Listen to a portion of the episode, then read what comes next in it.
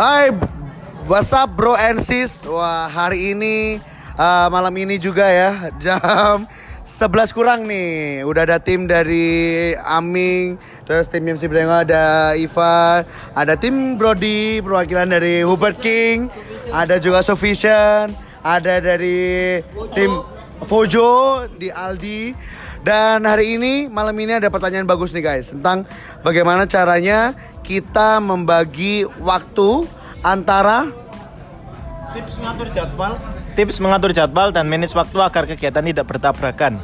Oke. Ya, aku kenapa buat podcast karena aku ingin sharing aja. Nanti kalau misalnya teman-teman ada ide lain, boleh aja nanti bisa uh, komen aja cukup share di komen aku atau mungkin bisa di Instagram aku at Hey MC Brengos. Nah, jadi untuk bagaimana tipsnya? Karena kebetulan siapa nama brother? Adul. Yang benar. Ipat, ipat, ipat. Oh Ibat, oke. Ada Mas Ibat tanya ini guys. Jadi kalau uh, kebetulan Mas Ibat ini orangnya adalah yang pelupa. Nah, membahas orang yang lupa, kadang-kadang kita itu terlalu fokus sama uh, dengan kebaikan kita ya. Jadi kalau kita udah baik banget tuh akhirnya mengiyakan semua acara-acara tanpa kita mengetahui sebelumnya. Nah, aslinya Ibat tuh bagus banget guys. Uh, dalam pertemanan dia bagus banget dan pasti banyak teman karena dia supel ya kan, baik tanpa ada perhitungan antara duit atau enggaknya. nah, yang harus Ibat lakukan adalah pertama, kamu harus bisa untuk menulis apa kegiatan kamu. Misalkan nih Ibat sedang main HP, maka gunakan notesnya lewat handphone. Kalau Ibat suka nulis, kamu tulis di diary kamu atau mungkin di notes yang kamu selalu bawa terus.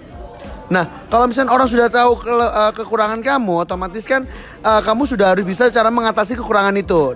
Ya, kalau saran aku dari MC Blengo sendiri, gimana caranya kamu bisa membahas dengan menulis eh, timeline kamu di eh, HP kamu atau mungkin di notes kamu. Itu yang pertama.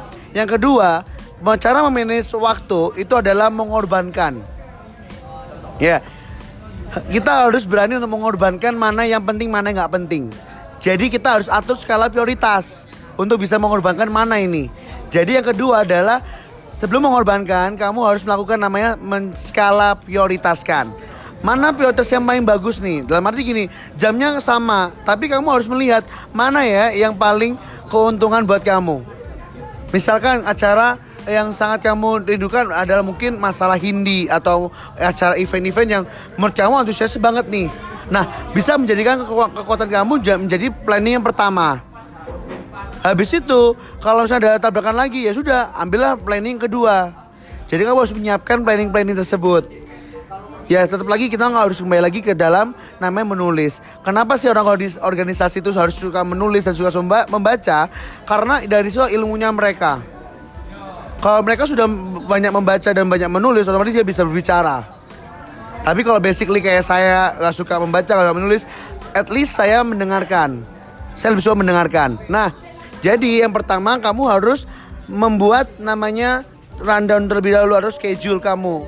Hari ini ngapain atau enggak sebelum kamu mengiyakan, kamu harus bisa untuk caranya eh, oke eh, tanggal ini aku ada acara, kamu nulis langsung aja nggak apa-apa mengiyakan semua it's okay ya kan nah kedua kamu mengatur skala prioritas prioritasnya mana nih yang pertama nih kamu yang bagus ini oke aku yang pakai yang ini terus yang kedua ini jadi tetap kamu misalkan nih acaranya dari jam 7 sampai jam 10 Nah, kamu jangan sampai jam 10.